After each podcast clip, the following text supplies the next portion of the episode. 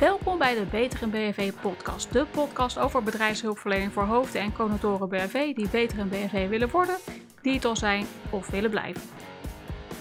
Mijn naam is Marika Baars, zelfstandig BNV organisatieadviseur, eigenaar van het grootste BNV-blog van Nederland en heb ik het BNV-app overzicht gemaakt. Met deze podcast wil ik hoofden en coördinatoren BNV helpen bij het beter organiseren van de bedrijfshulpverlening en daardoor het vergroten van veiligheid op en rond de werkvloer. Niet door je bang te maken met een hoop bla bla, maar door je zo concreet en duidelijk mogelijk antwoord te geven op vragen die je krijgt. Zo kun jij bezig zijn met het organiseren van veiligheid in plaats van brandjes blussen, ook de letterlijke. Ben je daar klaar voor? Dan gaan we beginnen. Vandaag heb ik twee gasten eh, in deze aflevering, en namelijk... Ik zou wel beginnen. Ik ben Gabi Vermelig. Ik werk bij Kapitein Safety Specialist. En dat is een uh, bedrijf dat eigenlijk andere bedrijven helpt om zich voor te bereiden op, uh, op incidenten. Van een brand tot en met nou, uh, imago-schade, een schandaal, ehm, corona, hartstikke urgent. Dus dat soort dingen. En dan van planvorming tot en met dus waar we het vandaag over gaan hebben, training en inrichting van de bedrijfsnoodorganisatie. Helemaal goed. En Caspar, vertel eens wat over jezelf. Nou, Caspar Dollekamp. En werk bij hetzelfde mooie bedrijf als, als Kabi. Uh, ik, uh, ik zit wat meer in de planvormingskant en de operationele voorbereiding. Uh, waar ik veel, veel dingen voor doe. En met die rol help ik ook mee om deze mooie, mooie cursus op te bouwen.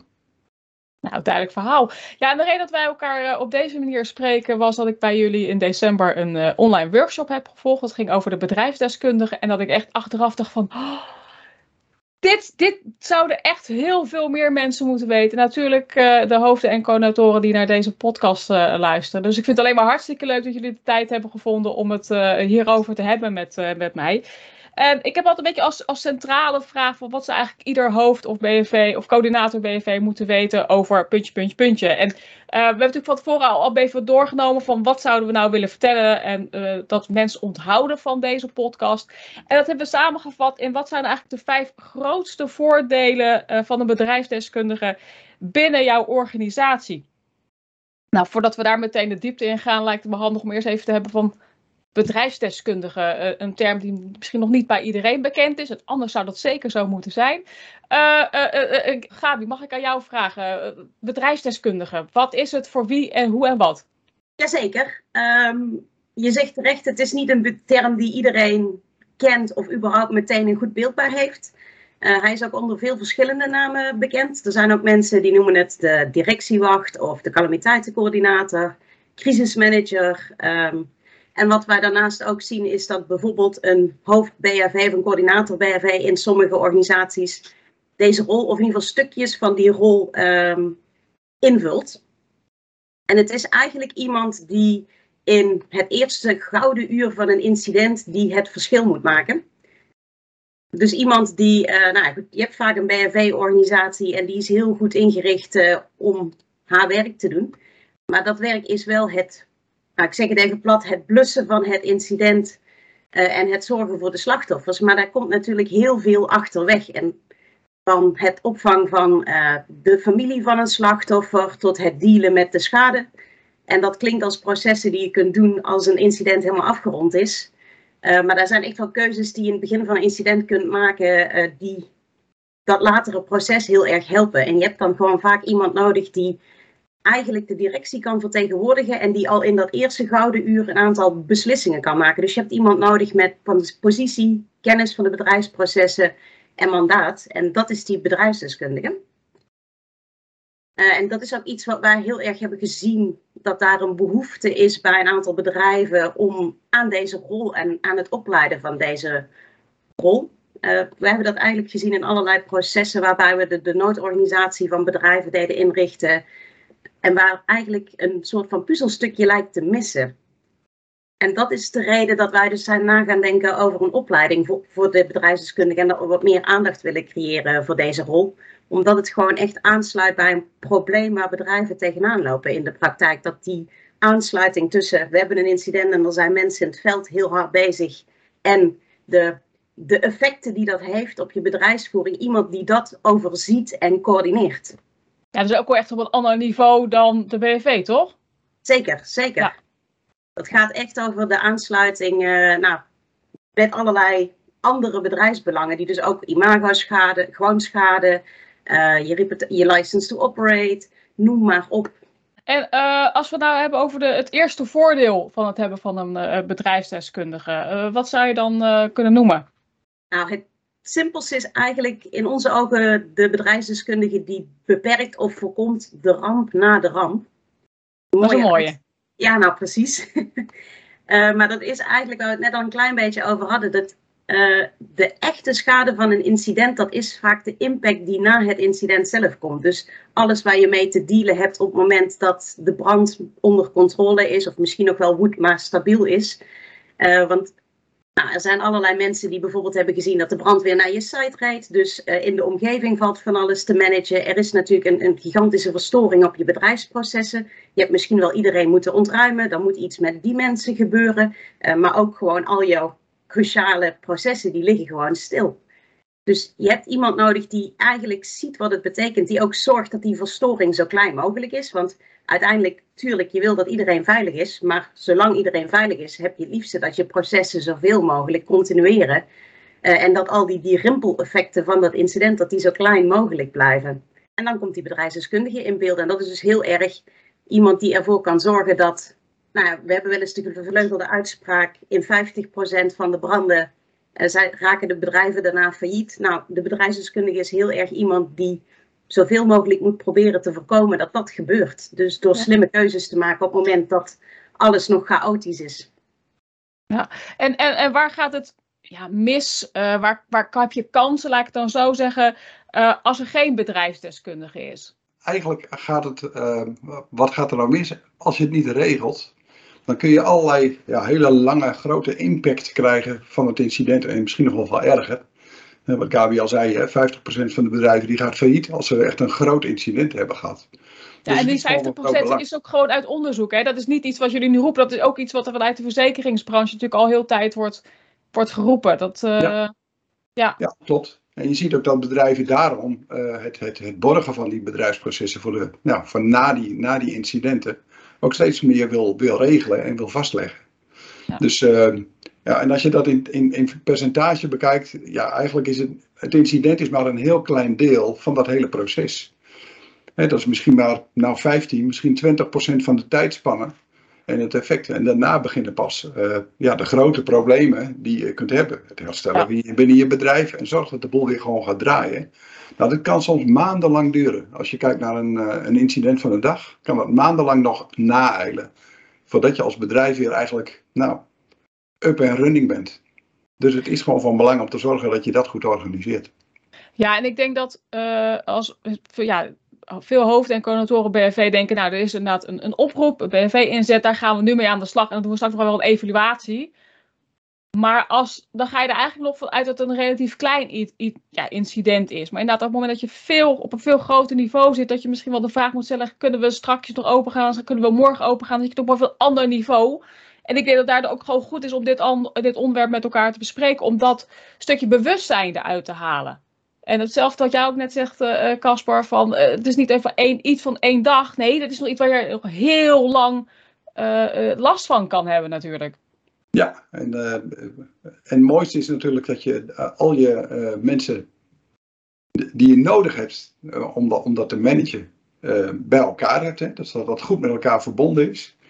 Ja, je zou kunnen zeggen dat zo'n zo'n zo'n bedrijfsdeskundige gewoon de spin in het web is om te zorgen dat het ja, binnen de BAV-organisatie gewoon operationeel allemaal goed gebeurt. Maar dat die vragen die voor langere termijn zijn, dat die, die goed adresseert aan een, aan een managementteam, zodat hij ook de juiste besluiten kan nemen. Nou, en, en waar staat dan die bedrijfsdeskundige? Is dat het hoofd BFV? Is dat iets voor de preventiemedewerker? Is het een apart iets? Waar, waar staat hij in de organisatie? Want wat wij een beetje zien is, een, een bedrijfsdeskundige is iemand die, je hebt een noodorganisatie die kent in onze ogen vier niveaus. En dat heeft te maken met de taken die uitgevoerd worden. Dus je hebt, de BHV'ers hebben het al over gehad, echt de mensen die letterlijk met de voeten in de modder het incident staan te bestrijden. Uh, en daar zit eigenlijk altijd wel een teamleider op, iemand die de inzet van dat team coördineert. Dat is leidinggevende taak met smalle focus.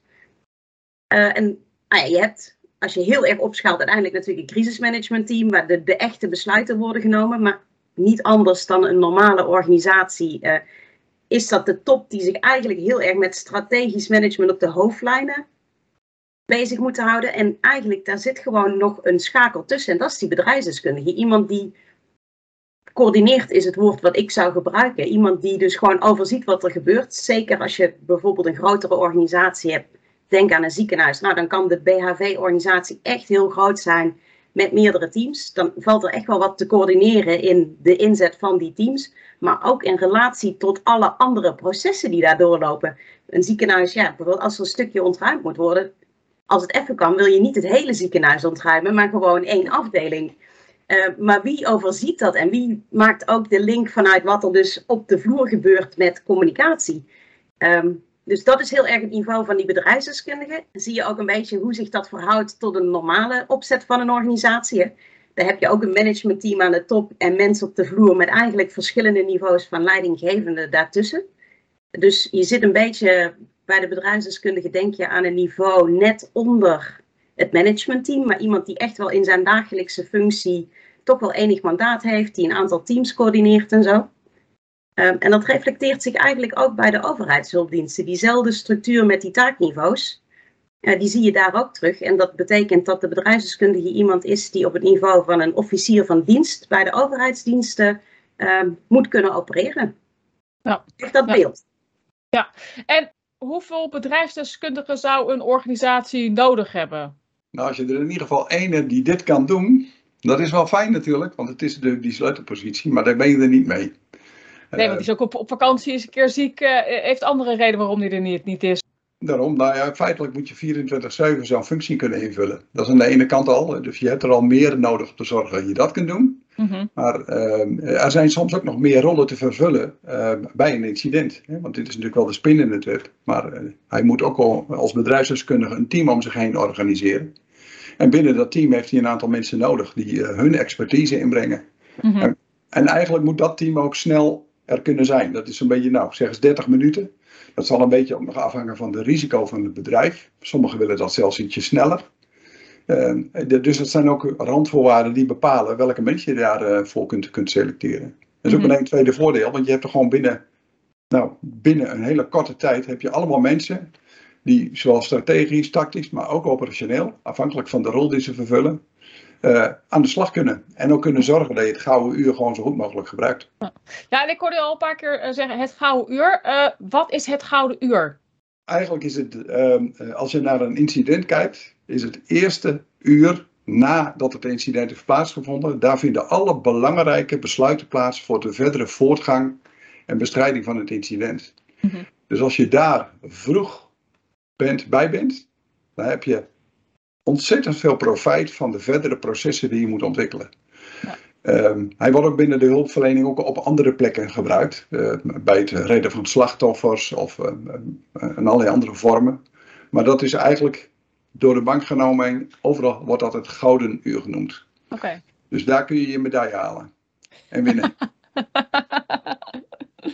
Hey, en een ander groot voordeel was natuurlijk dat je dus, uh, dat is al een beetje te sprake gekomen, dat, dat je gewoon echt één persoon hebt die de, de, de, de, de inzet coördineert. Die het overzicht houdt, die, het, die weet wat er moet, moet gebeuren. Um, is, is dat uh, goed als ik zeg dat het, de bedrijfsdeskundige die coördineert allerhande operationele acties die niet bij het MT horen? Zeker. Ik denk wat je ziet is bij een incident. Um nou ja, om een beetje bij dat voorbeeld van die ontruiming te blijven. Als de BHV haar taak goed doet, dan um, zorgen zij dat alle mensen veilig buiten komen. En ze tellen of iedereen compleet is. En formeel, nou laten we zeggen, dat duurt pak een beetje een kwartiertje. Maar formeel is die taak dan ook gewoon klaar. Maar daar stopt natuurlijk de bestrijding van het incident niet. Want je hebt een hele berg aan mensen die buiten staat. Die moeten misschien wel opgevangen worden. Uh, en nou, er moet een keuze gemaakt worden. Wat wordt er gedaan met die mensen? Want ik zeg wel heel makkelijk opvangen. Uh, maar als je denkt dat ze over een kwartier weer naar binnen kunnen en hun werk kunnen continueren, dan is dat misschien logisch. Maar op het moment dat jij weet, nou, de hele boel is afgebrand en we hebben eerst twee dagen nodig om te herbouwen of drie maanden, ja, dan kunnen ze misschien wel beter naar huis. Dus je moet er heel erg over nadenken van, goh, wat is nou de impact van het incident? Uh, wat betekent dat? En vanuit daar dus gaan nadenken over welke acties moet ik verder nog uitzetten voordat wij weer als normaal aan het werk kunnen. Ja. En in die Ja. zin, ik denk dat iedereen er wel gevoel bij heeft. Op hoofdlijnen kunnen daar wat managementbeslissingen bij zitten, maar er zit ook heel veel, ja, bijna operationele vraagstukken in die je dus niet in alle volle glorie op de tafel van je directeur wil leggen. Dat zijn gewoon heel erg dingen waarvan je ja, op zijn minst kunt voorbereiden. Jij kunt ze overzien en je kunt beslissen, nou, deze keuze of dit stukje van het probleem moet ik naar mijn crisismanagementteam eh, brengen. Maar in principe, jij bent, wij zeggen wel eens, de bedrijfsdeskundige coördineert alles binnen de muren van het bedrijf of binnen de, grenzen van het bedrijf.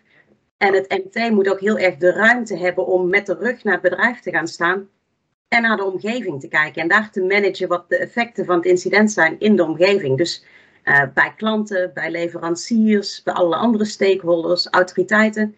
Dus die verdeling wil je heel erg houden. En daar kan een bedrijfsdeskundige in helpen om dat ook te houden, zodat jouw manager niet gaat micromanagen. ja, want daar, daar hebben we denk ik allemaal wel ervaring mee dat dat niet fijn is als dat gaat gebeuren. Precies, ook- herkenbaar probleem.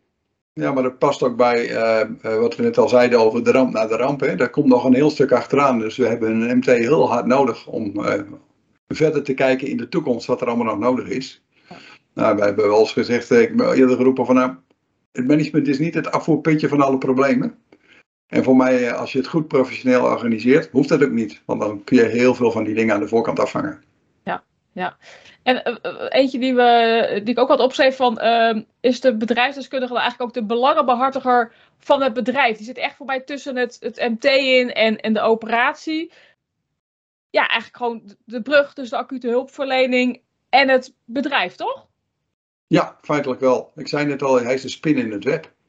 Eh, en dat betekent ook dat hij dit soort dingen goed kan verbinden. Hè, dus het, sommigen noemen het ook wel echt een liaison in die, eh, in die rol als hij eh, bijvoorbeeld met de hulpdiensten praat. Ehm, dus, dus hij gaat vooral over, over, over dat deel. En, en het gaat dan heel vaak over de continuïteit van het bedrijf. Of het gaat over het opstarten van de processen. En hij kan zijn kennis ook brengen bij, als belangenbehartiger bij die hulpdiensten. Want eh, je moet je goed beseffen, en we, we zeggen dat overal, de brandweer of de andere de hulpdiensten hebben een heel ander belang als ze komen bij het incident bestrijden dat het bedrijf dat heeft. Ze willen allebei dat het incident wordt opgelost, maar daarmee stopt voor het grootste deel, hoger nog met een stuk onderzoek naar de oorzaak of zo, daar stopt voor de overheid eigenlijk hun taak. En daar begint een hele belangrijke taak voor het bedrijf. Hoe gaan we de boel in godsnaam weer opstarten? Dus als je aan de voorkant als bedrijfsdeskundige de discussie kunt voeren met de overheidsdiensten. Van welke dingen nou precies geregeld moeten worden. En wat voor ons nou heel belangrijk is om te redden binnen het bedrijf. Dan kan het wel een heel ander belang zijn. Ja. En als je dat Ja. goed kunt adresseren. Nou, dan zit je weer op hetzelfde als wat we net over hadden. Eh, dan kun je, nou, dan zit je misschien niet helemaal in dat gouden uur. Maar dat mag je er best onder laten vallen. Eh, dan kun je daar gewoon weer eh, zorgen dat je dat, dat je dat binnen kunt halen. ook om dat aan te vullen. Ehm, de overheid komt natuurlijk ter plaatse, die maakt een plan van aanpak, maar niemand kent je bedrijf beter dan jijzelf. Ja. Eh, en de overheid is, eh, heeft een aantal algemene spelregels. Bijvoorbeeld, eh, we redden het grootste pand het eerste. Want dat is een beetje, als zij niet, geen andere informatie hebben om op af te gaan, dan, dan kan dat best een hele goede zijn. Maar jij weet misschien wel dat in dat hele kleine pandje ernaast, dat daar jouw eh, administratie zit met al je onderzoeksresultaten die je niet mag eh, verliezen. Of je unieke installatie of ehm, de meeste waarde omdat daar al je grondstoffen liggen of iets wat je gewoon heel erg nodig hebt. Mhm. Dus daar kun je al in een hele vroege fase van het incident inbrengen. Nou, als je één pand kunt redden, alsjeblieft gebouw A en niet gebouw C. Ja. En dan kom je bij de belangenbehartiging. Ja, maar een andere belangenbehartiging kan zijn eh, wanneer het gaat over een, eh, een, een bedrijf waar veel meer zorgprocessen in zitten. Want dan krijg je in één keer een andere dynamiek. En dan gaat het misschien niet zozeer om de gebouwen of om de installatie, maar dan gaat het om de mensen en de zorg voor die mensen. En eh, ja, dan krijg je precies dezelfde discussie over. Dan heb je de specialist vanuit het bedrijf nodig om eh, de overheidsdiensten de goede dingen te laten doen. Ik, ik hoorde net ook al zeggen van, eh, het is vooral, ja, je moet ervoor zorgen dat het management niet het afvoerputje wordt. eh, dat ze verstopt raken als het ware. Eh, kan je daar nog wat meer over eh, vertellen? Zeker. Ik denk dat uh, wat je ook in een normale organisatie ziet, als je hem goed organiseert, dan hou je ruimte weg voor je directeur, zodat hij zich kan focussen op bijvoorbeeld de lange termijn en in het geval van een incident, wat de impact is uh, nou, over een jaar en over twee jaar misschien al, dat, dat je daar het goede beleid op kunt vormen. Maar ook als je kijkt naar bijvoorbeeld hoe het uh, in de overheid werkt, je ziet de burgemeester ook niet met een brandslang in zijn hand uh, bij de troepen blussen, omdat hij dan gewoon met de verkeerde dingen bezig is. Hij moet bijvoorbeeld de rol als burgervader kunnen nemen. Dus dat hij het gezicht van nou, de gemeente of in ons geval het bedrijf, daar moet hij toe kunnen fungeren. Dus daar heeft hij ruimte voor nodig. Als hij ergens in een hokje zich met allerlei operationele details zit te bemoeien, dan gaat dat niet. Um, je wilt hem ook een beetje uit de wind kunnen houden. als er ergens een, heel operationeel foutje misschien wel wordt gemaakt, of als het incident gewoon anders is dan mensen hadden ingeschat, uh, nou, dan wil de burgemeester daarvoor niet hoeven aftreden. in het Engels zouden ze zeggen plausible deniability. Um, dat klinkt wat negatief, maar daar zit het natuurlijk wel in. Je moet ruimte houden om te escaleren als het dus fout gaat of als het gewoon anders is dan dat je had verwacht en dat die burgemeester, de directeur van je bedrijf, op het juiste moment ook ingezet kan worden, maar ook niet beschadigd wordt als het niet nodig is. Ja. ja. En hij kan zijn rol ook nog beter pakken uh, door het boegbeeld te kunnen zijn. Want uh, zoals een burgemeester dan bij een in groot incident de burgervader kan zijn, dan zal het MT of de directie van een bedrijf dat voor hun bedrijf ook zijn. Ja, ja. en ik was wel even benieuwd, want ik, ik, ja, ik vind het echt super interessant. Maar wat heb je nou nodig om een goede bedrijfsdeskundige uh, te zijn?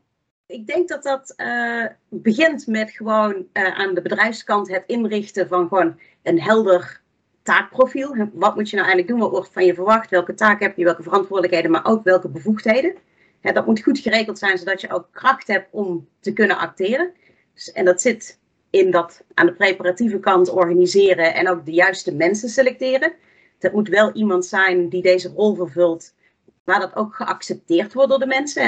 Het is uh, heel raar als jouw koffiedame uh, als vertegenwoordiger van de directie op zou treden, als het ware. Dus daar moet je bewust van zijn. En ik denk op een persoonlijk niveau is het dan heel erg, je moet gewoon goed opgeleid zijn, zodat je rolbewuste mensen hebt. Uh, en dat ook steeds onderhouden, zodat ze ook vaardig worden. Want je doet wat je zelden doet, doe je zelden goed. Dus in die zin moet je echt wel zorgen dat je daar een beetje handigheid in krijgt. Want ja, met een beetje geluk heb je niet iedere dag een incident. Dus hoe zorg je nou dat wanneer het je echt overkomt, dat je dan goed kunt opereren. En dat je je daar ook vol zelfvertrouwen instapt. Want dat is het. Er komt echt wel wat op je af. Het is ook jouw bedrijf, het zijn jouw collega's. Dus ja, makkelijk is het niet. Nee, maar jullie hebben daar uh, als kapitein uh, daar een, een opleiding voor ontwikkeld, toch? Ja, dat klopt. Zijn we samen met het NIBAV uh, eh, mee bezig. Er is een mooie samenwerking erin. Om te zorgen ook dat de certificering daarvoor rondkomt. Want dat is natuurlijk wat nu loopt. En ehm, de bedoeling is eigenlijk om, nou, een beetje vooruitkijkend, dat we medio mei starten met een opleiding om die aan te gaan bieden. Dus daar kunnen de mensen uh, dan eens naar gaan kijken of dat wat voor hun, uh, voor hun is. Ja, en, en het is altijd een mix. Want de, Gabi had het net al over de dingen die ze moeten leren en die je moet oefenen. En dat is ook echt een mix tussen theorie, maar vooral heel veel training en scenario training. Waarin je ook dit soort situaties een beetje kunt nabootsen. Dat kan van klein tot groot met nou, verschillende onderwerpen. En dat is ook een beetje afgestemd om de risico van het bedrijf. Uh, want dat zal voor, wat we net al vertelden, dat is voor ieder bedrijf anders. Dus we proberen dat zoveel mogelijk maatwerk te maken. Uh, maar mensen wel te triggeren van nou, welke dingen ga je nu uh, overkomen. Ja. En dat je daar gewoon eens zelf mee kunt gaan, gaan spelen. Voor de mensen die niet tot mei kunnen wachten, waar kunnen ze meer informatie vinden over dit boeiende onderwerp? We hebben een stukje van onze website ingericht speciaal over de bedrijfsdeskundigen. Dat is www.kapitein.eu slash bedrijfsdeskundigen. Uh, en wat je daar kunt vinden is überhaupt heel veel informatie. We hebben een aantal artikelen geschreven, maar wat wij het meest recent eigenlijk hebben gedaan is een whitepaper geschreven samen met het NIBRV. Waar eigenlijk van kop tot staart het hele verhaal over die bedrijfsdeskundige, hoe zou je hem goed kunnen positioneren en waarom moet je hem hebben, dat staat daar heel erg in. Uh, maar het is ook de moderne tijd. Lezen vraagt gewoon wat tijd. Dus om het wat speelser aan te bieden, hebben wij ook een e-monitor gemaakt. Dat is eigenlijk, ja, dat is wel een paradepaardje. um, het, is een, uh, nou, het is eigenlijk een e-module, zoals je ook opleidingen gewend bent. Uh, maar wij hebben hem opgedeeld in vier blokjes waar je aan de hand van in totaal een vraag of twaalf gewoon heel speels leert kennen. Die bedrijfsdeskundige, wat doet die, waarom zou je hem willen hebben? Dus om daar toch gewoon een klein beetje gevoel bij te krijgen. En die vind je ook op onze website. Daar is een klein formuliertje en daar kun je gewoon uh, je naam en je contactgegevens achterlaten, zodat wij de inlog aan onze kant kunnen regelen. Ik wilde vooral iedereen uh, uitnodigen om een kijkje te nemen en gewoon eens even te zien wat er allemaal te vinden is. En uiteraard, uh, nou, wij zijn ook altijd heel erg benaderbaar, mochten er gewoon vragen zijn of mensen zijn van, goh, ehm, we willen graag eens een keer praten, we zijn heel geïnteresseerd, maar hoe pas ik dat nou in in onze bedrijfsstructuur? Want dat zien wij heel erg. het is een rol die kun je echt wel inbouwen in ieder bedrijf. Wij hebben echt wel beelden hoe het algemeen eruit moet zien. Maar uiteindelijk is het wel de, het samenspel met hoe ook de normale organisatiestructuur van je bedrijf loopt, wat je al geregeld hebt. En eh, nou, wat we eerder ook zeiden, je kunt ook rollen verdelen over meer mensen. Er zijn bedrijven met een heel sterk hoofd BHV of coördinator BHV die ook een operationele rol heeft. Nou, daar kun je echt wel een samenspel in, in vinden om hen gewoon samen op dat niveau 3 de rol te laten te vangen. Ja, ja. En, en Caspar, als mensen nog uh, verder vragen hebben, uh, met wie kunnen ze dan contact opnemen? Nou, de, de site is al genoemd, maar sowieso bij KB of met mij. Uh, dan, dan, dan gaan we jullie daar graag, de mensen daar graag bij, bij helpen.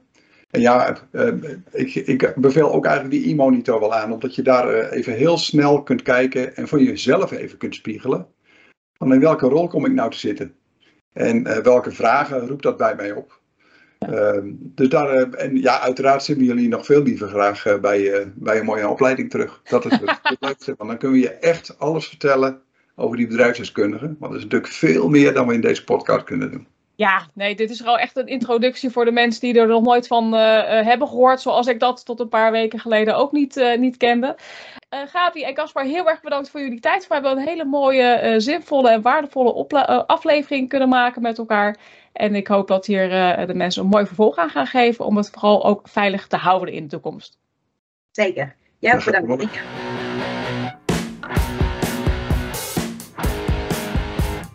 Nogmaals dank voor het luisteren van deze aflevering van de Beter in BV podcast.